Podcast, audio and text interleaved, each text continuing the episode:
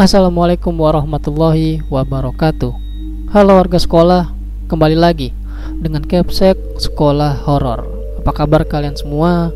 Semoga baik-baik saja ya Di kisah kali ini akan melanjutkan cerita mengenai para penghuni desa mati Bagian ketiga Kali ini kita akan rehat sejenak dari kisah Pak Raman dan Pak Imran Karena akan ada kisah lain dari para pendaki gunung yang turut memasuki desa mati tersebut. Cerita ini masih bersumber dari akun Twitter @acep underscore saep 88. Sebelum kalian mendengarkan cerita ini, Capsek akan berterima kasih untuk like, share, dan komen kalian di video ini. Lanjut saja, saatnya kelas dimulai.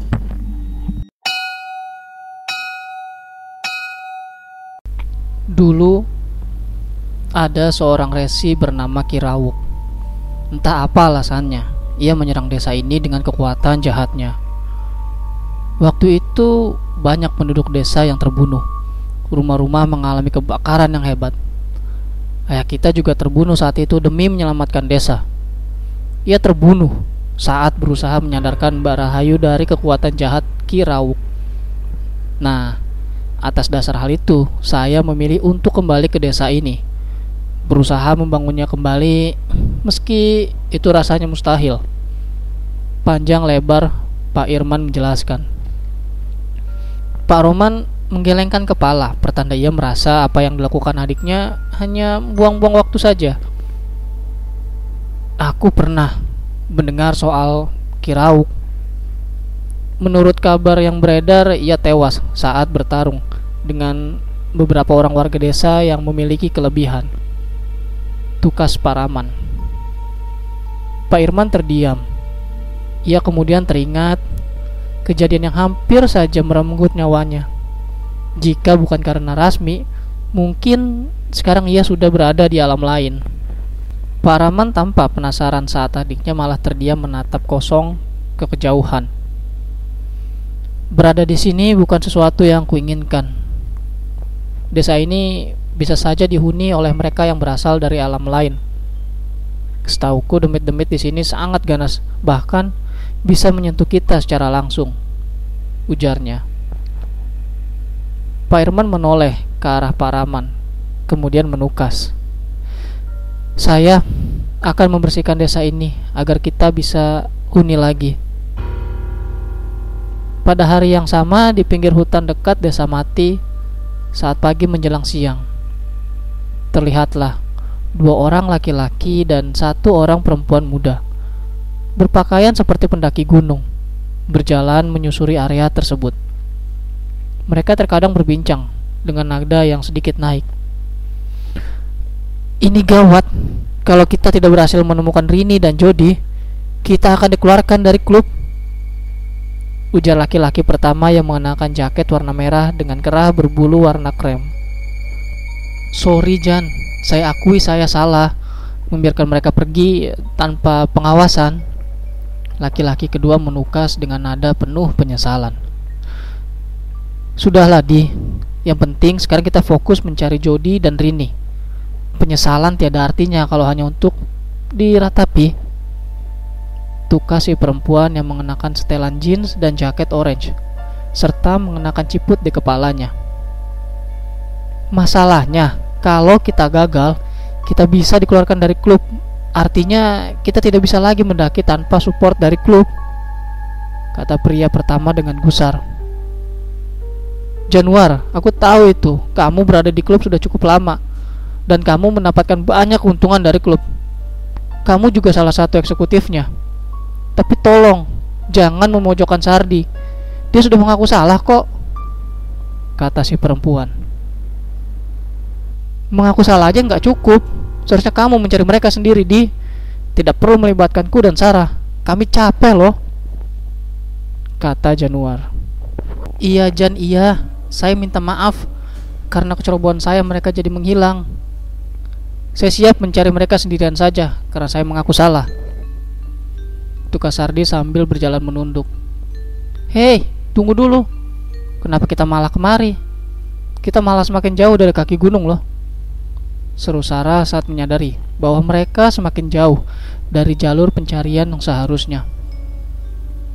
Sebuah desa.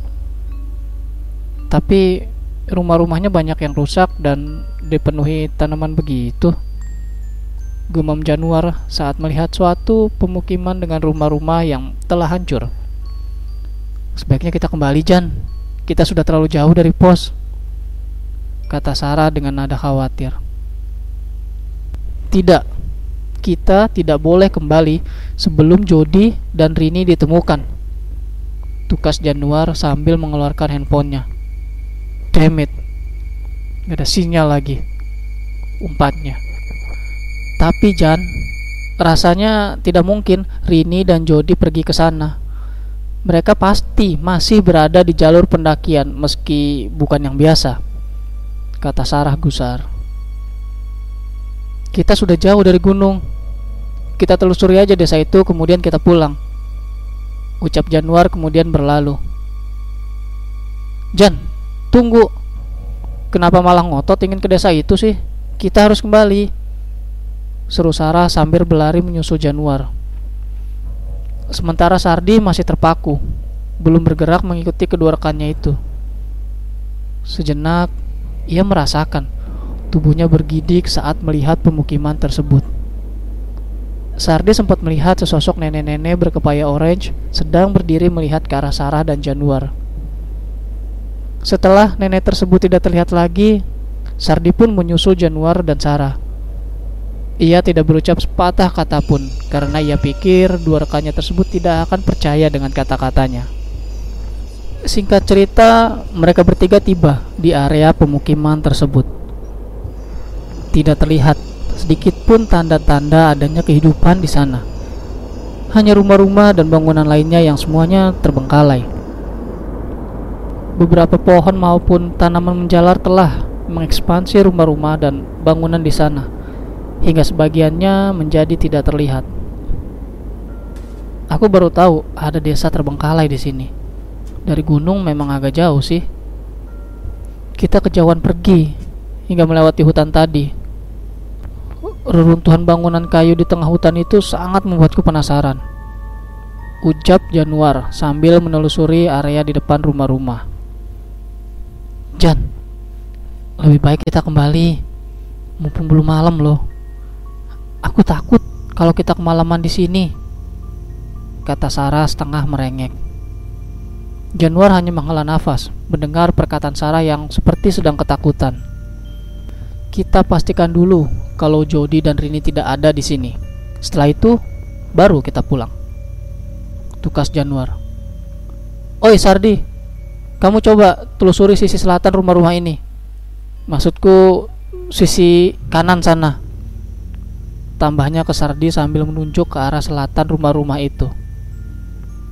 Tanpa membantah, Sardi segera beranjak menuju bagian selatan. Sesampainya di sebuah gang kecil yang dipenuhi tanaman merambat dan pepohonan kecil, mendadak ia mendengar seperti suara rangan halus. Lebih mirip suara orang yang sedang menekur namun intonasinya sangat rendah. Sardi merasa penasaran dengan suara menegur tersebut. Ia pun mengendap-endap menuju ke arah sumber suara. Namun, ia kemudian menghentikan aksinya kemudian menongak ke atas dan betapa terkejutnya saat melihat ternyata hari sudah gelap seperti di malam hari. Ini tidak mungkin. Kenapa siang bisa tiba-tiba berubah menjadi malam begini? Padahal jam masih menunjukkan pukul 10 pagi. Gumam Sardi setelah melihat jam tangannya. Suara rangan yang ia dengar rupanya telah menghilang. Namun, ia merasakan bulu kuduknya merinding. Ia merasakan kehadiran sesuatu di belakangnya. Sesosok seperti nenek-nenek berwajah menyeramkan sedang melihat ke arahnya, sembari menjulurkan kedua tangannya yang sangat kurus hingga tinggal tulang yang terbungkus oleh kulit. Dengan jari-jari tangannya yang tinggal tulang, hendak menyentuh pundak Sardi.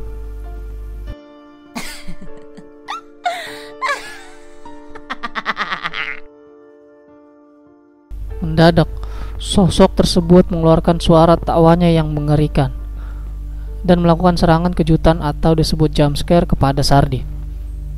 Akibatnya, pemuda tersebut tersentak kaget. Ia pun berlari sekencang-kencangnya setelah mendapatkan serangan dari hantu nenek-nenek itu. Karena saat itu gelap, Sardi tidak dapat memastikan ke mana ia berlari. Ia terus saja berlari hingga mencapai suatu area lapangan yang ditumbuhi ilalang. Di sana ia berhenti, kemudian mengatur nafasnya yang tersengal-sengal. Sial, aku di mana sekarang? Setan itu membuatku terpisah dari Sarah dan Januar. Mana aku tidak tahu jalan kembali, gelap sekali di sini. Gumam Sardi seraya memutarkan pandangannya. Dirasanya perasaan aneh itu kembali muncul lagi. Perasaan sesaat sebelum hantu nenek-nenek menyerangnya. Artinya, sosok hantu nenek-nenek Rengki itu mengikutinya sampai padang ilalang. Sardi pun tidak berani menoleh ke belakang. Apalagi ia merasakan sentuhan jari jemari di punggungnya. Ia pun dapat memastikan jika itu adalah demit yang sama yang sebelumnya mengganggunya. Pergilah, Jangan ganggu aku, aku sedang berusaha mencari teman-temanku yang hilang.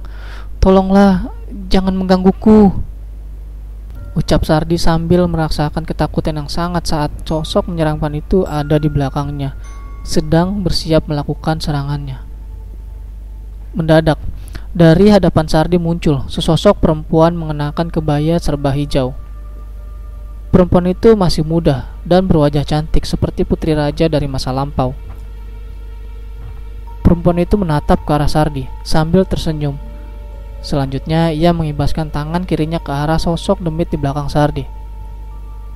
Demit nenek-nenek tersebut seolah patuh, lantas pergi dan menghilang di kegelapan malam. Sedang apa kamu di sini, pendatang? Ada yang bisa saya bantu? Ujar perempuan itu sambil menatap ke arah Sardi yang masih ketakutan. Sardi terkejut mendengar perempuan tersebut menanyainya, bahkan dalam bahasa yang umum ia dengar. Dengan tergagap ia berkata, "Saya sedang mencari teman-teman saya yang hilang. Mbak ini siapa ya? Kok malam-malam begini ada di sini?" Perempuan itu terkekeh. "Ini bukan malam kok. Hari masih siang." Cuma ada kekuatan gaib yang membuat seolah-olah saat ini sudah malam. Oh, kamu sedang mencari teman-temanmu ya? Hmm, mereka tidak benar-benar ada di desa ini sih. Mungkin mereka tersasar ke rawa gaib. Tapi itu tidak masalah, mereka akan segera ditemukan. Sardi tercengang mendengar perkataan perempuan itu. Ngomong-ngomong, Mbak ini siapa ya? Apa mbak penduduk desa sini? Sardi menatap penasaran ke arah perempuan itu. Panggil saja saya Rahayu. Saya memang penduduk desa ini. Tapi mungkin saya satu-satunya warga yang bertahan di sini. Desa ini sudah lama ditinggalkan penduduknya karena bala bencana di masa lampau. Oh iya, sebaiknya kita ke rumahku dulu. Kita tunggu kekuatan gaib itu menghilang supaya kegelapan ini segera sirna. Kamu pasti tidak tahan dengan situasi di mana siang terang benderang mendadak gelap gulita. Tukas perempuan yang adalah Rahayu itu. Sementara Sarah dan Januar yang sedang kebingungan karena hari mendadak gelap seperti di malam hari. Mereka kelimpungan karena hal tersebut. Terutama setelah memeriksa isi tas. Tidak ada alat penerangan selain handphone yang dayanya pun hampir habis. Aku sudah bilang kita jangan ke sini, Jan. Kamu ngotot sih ingin ke sini. Sekarang lihat akibatnya. Sarah tampak uring-uringan.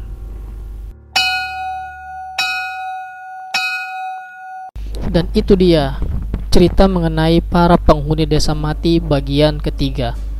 Ternyata pengunjung desa mati tersebut bukan hanya Pak Rahman dan Pak Imran, namun ada juga tiga orang pendaki gunung yang sedang mencari temannya yang hilang. Kira-kira apa yang terjadi dengan Jody dan Rini. Lalu siapa Rahayu itu? Semua akan terjawab di satu video selanjutnya. Terima kasih buat kalian warga sekolah yang telah mendengarkan cerita ini. Dan terima kasih juga kepada akun Twitter at acep underscore saib 88 yang telah memberikan kami izin untuk membacakan cerita ini. Jangan lupa like dan share video ini agar warga sekolah horor semakin bertambah. Dan sampai jumpa di kelas berikutnya. Assalamualaikum warahmatullahi wabarakatuh.